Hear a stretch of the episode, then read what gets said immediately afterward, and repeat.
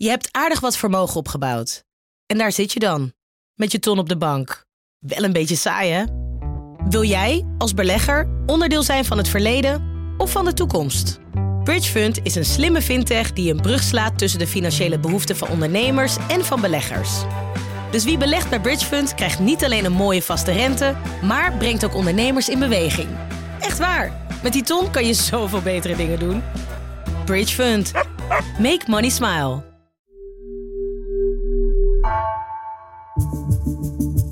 Vanaf de redactie van NRC het verhaal van vandaag. Mijn naam is Egbert Kalsen.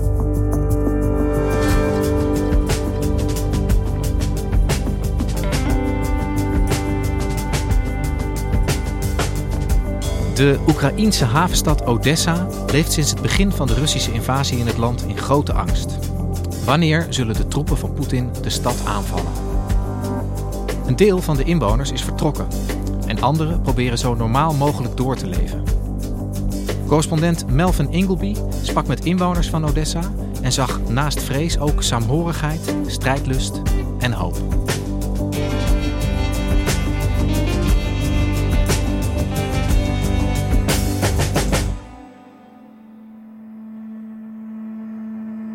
Ik was deze week in Odessa. Dat is een uh, Oekraïense havenstad in het zuidwesten van het land.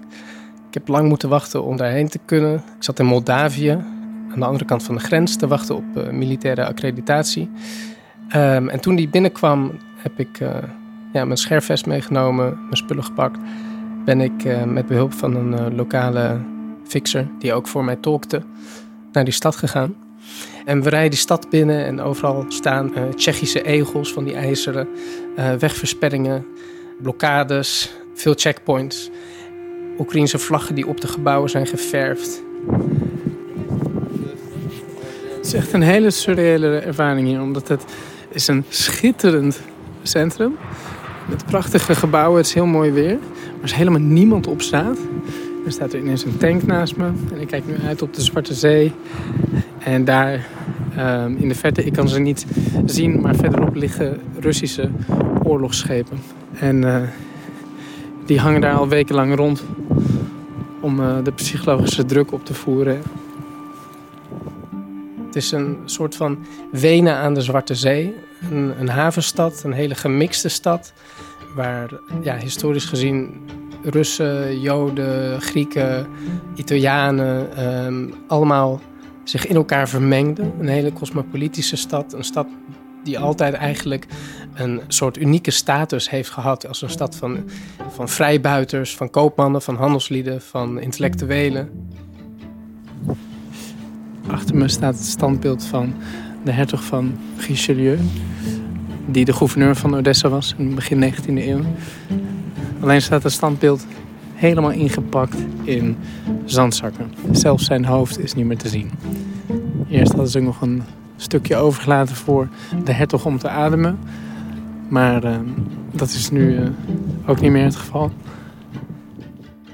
Odessa is van grote strategische waarde. Het Russische leger wilde aanvankelijk eigenlijk vanuit de Krim doorstoten helemaal naar het zuidwesten van Oekraïne. Om zo Oekraïne af te sluiten van de Zwarte Zee en de havenstad Odessa in te nemen. Daarmee zou het de belangrijkste haven van de Oekraïners wegnemen. En bovendien is Odessa van een hele grote symbolische waarde. Uh, Odessa was een parel van het Russische Rijk. En daarom is die stad ook, denk ik, heel erg belangrijk uh, in de verbeelding van Poetin, die er natuurlijk naar snakt om dat oude Russische Rijk weer in glorie te herstellen. Uh, en die stad die zo erg op haar vrijheid gesteld is, die bereidt zich nu voor op een Russische invasiemacht die dat alles wil wegnemen. Dus de mensen in Odessa die hebben de afgelopen maand, ja, ik denk wel bijna elke dag geleefd met het idee: vandaag kan die invasie beginnen. Wat, wat heb jij daar gezien? Hoe gaat het met de mensen? Nou, het is heel dubbel. Je ziet dat de mensen die er nog zijn echt heel erg de handen ineen slaan om elkaar te helpen. Uh, er zijn vrijwilligerscentra opgericht waar mensen voedselpakketten inpakken om aan het leger te geven, om aan vluchtelingen te geven die uit andere steden naar Odessa komen. Ook gaat het leven op straat gewoon nog door. Uh, mensen die, die willen heel erg uitstralen dat ze vertrouwen hebben in de toekomst, vertrouwen hebben in hun leger, dat ze geloven dat Odessa er klaar voor is. Maar ja, je ziet ook een leegloop op heel veel plekken. In dat historische centrum is uh, afgezet en daar wonen vrijwel geen mensen meer. Maar ook op heel veel andere plekken zie je dat er heel veel mensen weg zijn. Um, bijvoorbeeld in de dierentuin van Odessa.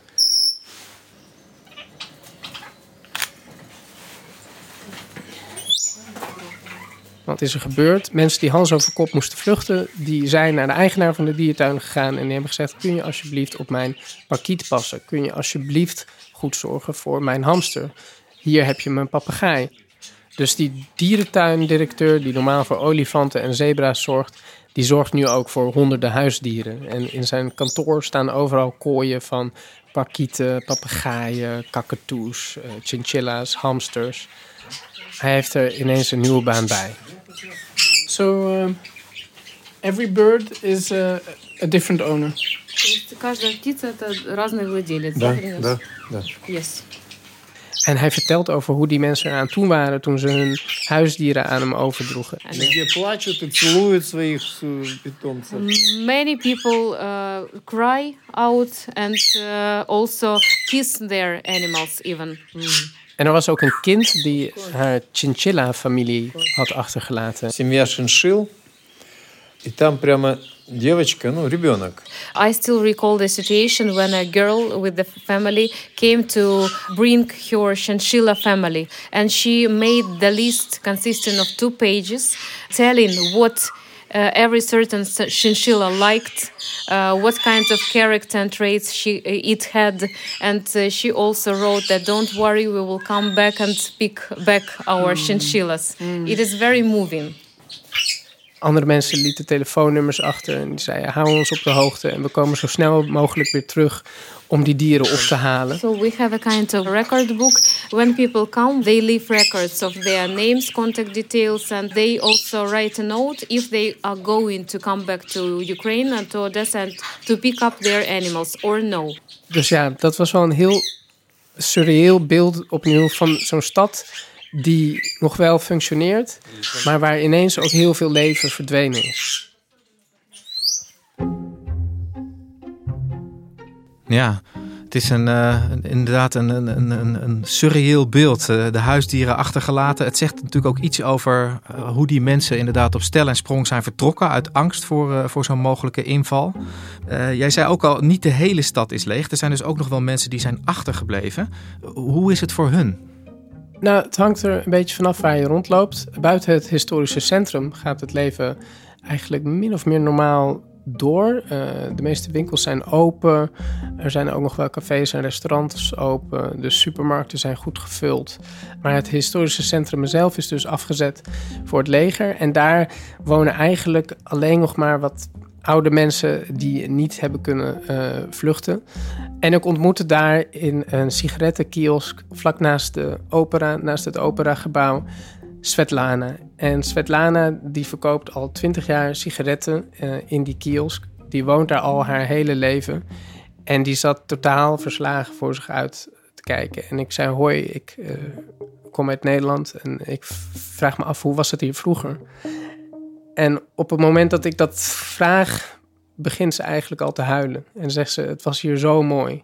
Het was hier altijd zo levendig. Er waren mensen uit alle uithoeken van de wereld. Odessa verwelkomde iedereen. Iedereen ging naar de opera. Mensen zaten op de terrassen. Mensen snoven cultuur op. En nu is er bijna niemand meer. How does it make you feel to see your city like this?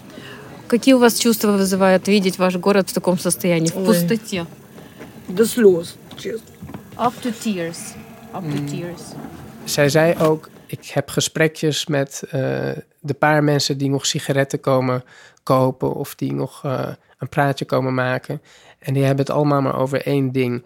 We willen vrede. We willen vrede. Люди сейчас вот с кем не разговариваешь, все хотят только хотят, чтобы уже был мир, чтобы у нас был покой, спокойствие, чтобы как жили раньше мы. En ik vraag haar, ben je dan niet bang om hier nog uh, te zitten. Hè? Je staat tussen de zandzakken en de soldaten, maak je je geen zorgen. En ze zei, ja, nou ja, een paar weken geleden toen het luchtalarm afging, uh, ja, toen ging ik nog wel de schuilkelder in. Want toen was ik nog met mijn, uh, met mijn dochter en mijn kleindochter en met mijn oude vader.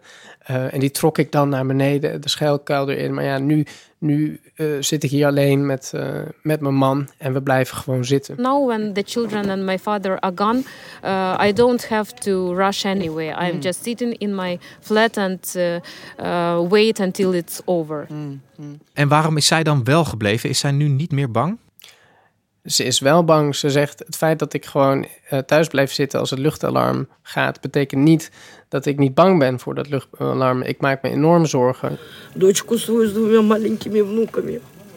Они у меня сейчас в Германии находятся.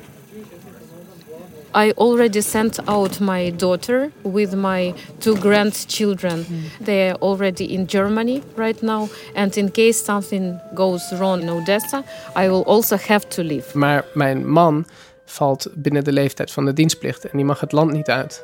Dus ik wil hem niet achterlaten, dus ik blijf. Zij kan eigenlijk niet weg, behalve door haar man in de steek te laten. Ja, en dat is iets wat heel veel mensen niet over hun hart kunnen verkrijgen.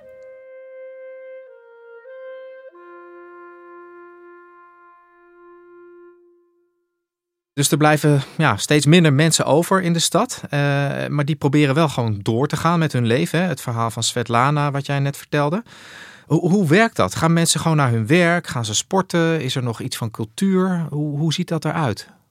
Nou, de mensen die achterblijven, die proberen ook wel gewoon door te gaan met hun leven in de parken voor de Zwarte Zee uh, zijn mensen aan het sporten in een soort van openluchtsportschool. Mensen wandelen door de parken. Mensen gaan gewoon nog naar de markt, zitten koffie te drinken.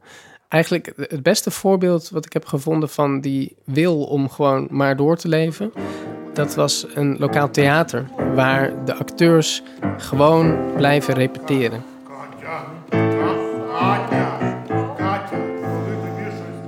toen de oorlog begon, wisten ze eerst niet zo goed wat ze moesten doen. Want een deel van de acteurs die vluchtte naar Europa, een ander deel die ging vechten in het leger.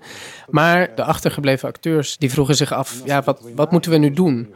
Gaan we theater maken? Het is toch oorlog? Is dat wel gepast? Не все согласны, что сейчас театр начал работать.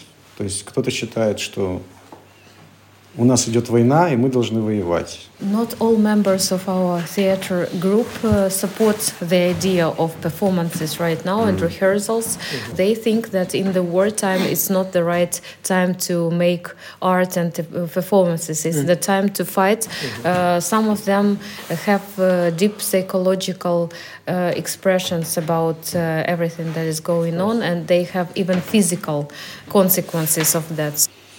Maar die theaterdirecteur die kreeg ondertussen belletjes van al die acteurs die wel waren achtergebleven. En die zei van, we worden gek, we moeten elkaar zien. We moeten, we moeten samen weer uh, theater gaan maken, want anders worden we helemaal gek.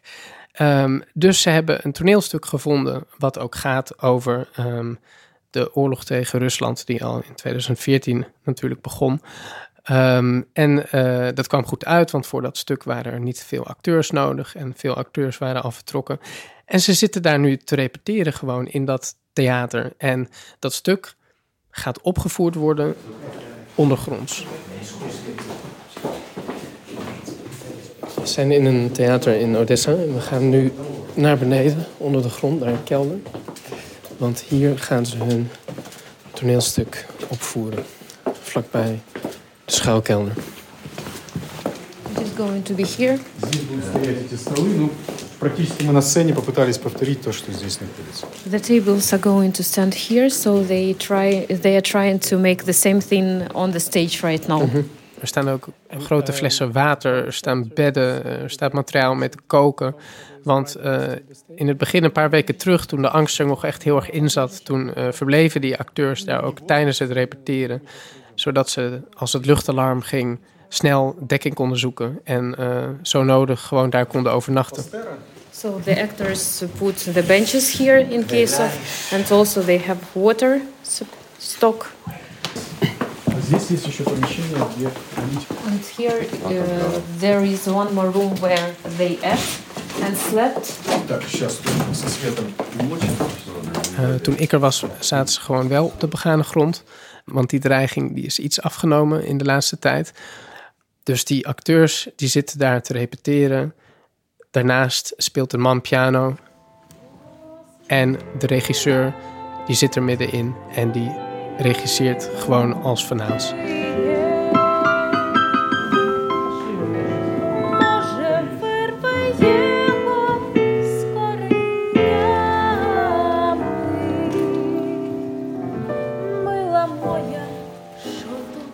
En hij vertelt me, voor ons is dit een vorm van verzet. We moeten de mensen van Odessa laten zien dat wij er nog zijn, dat wij doorgaan en dat we doorgaan met leven. Ja, het is natuurlijk heel duister, maar het voegt ook wel iets toe aan ehm, hoe we dit stuk opvoeren. Wij voelen nog veel meer.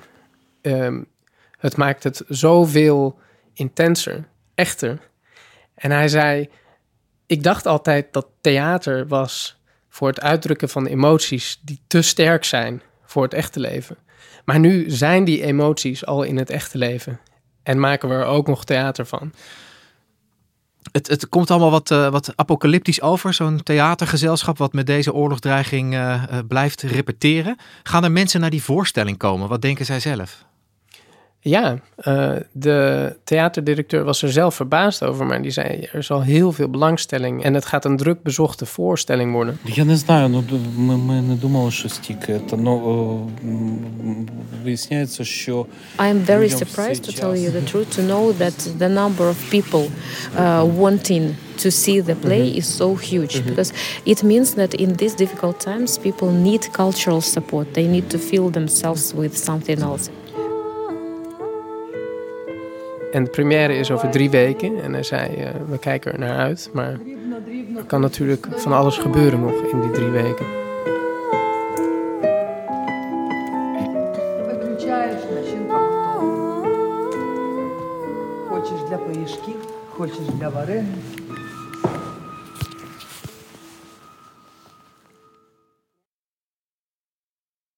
Het is dus niet helemaal duidelijk of en wanneer Rusland Odessa nog gaat binnenvallen. De dreiging is iets afgenomen, begrijp ik uit jouw woorden.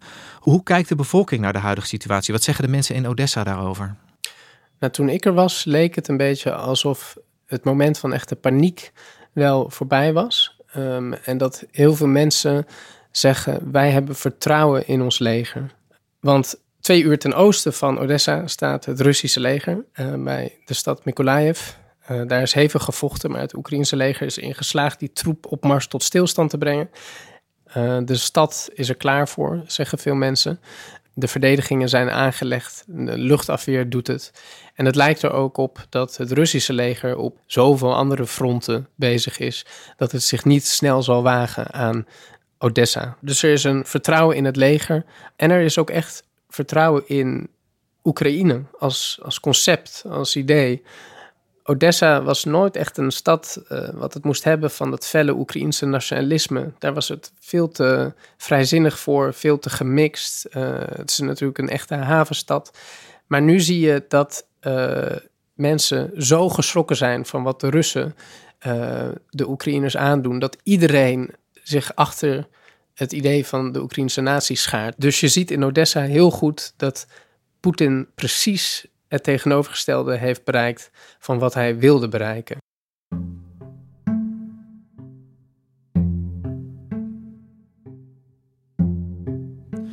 Jij bent inmiddels weer, eh, weer thuis in, eh, in Istanbul. Eh, met, met wat voor gevoel heb jij Odessa achtergelaten?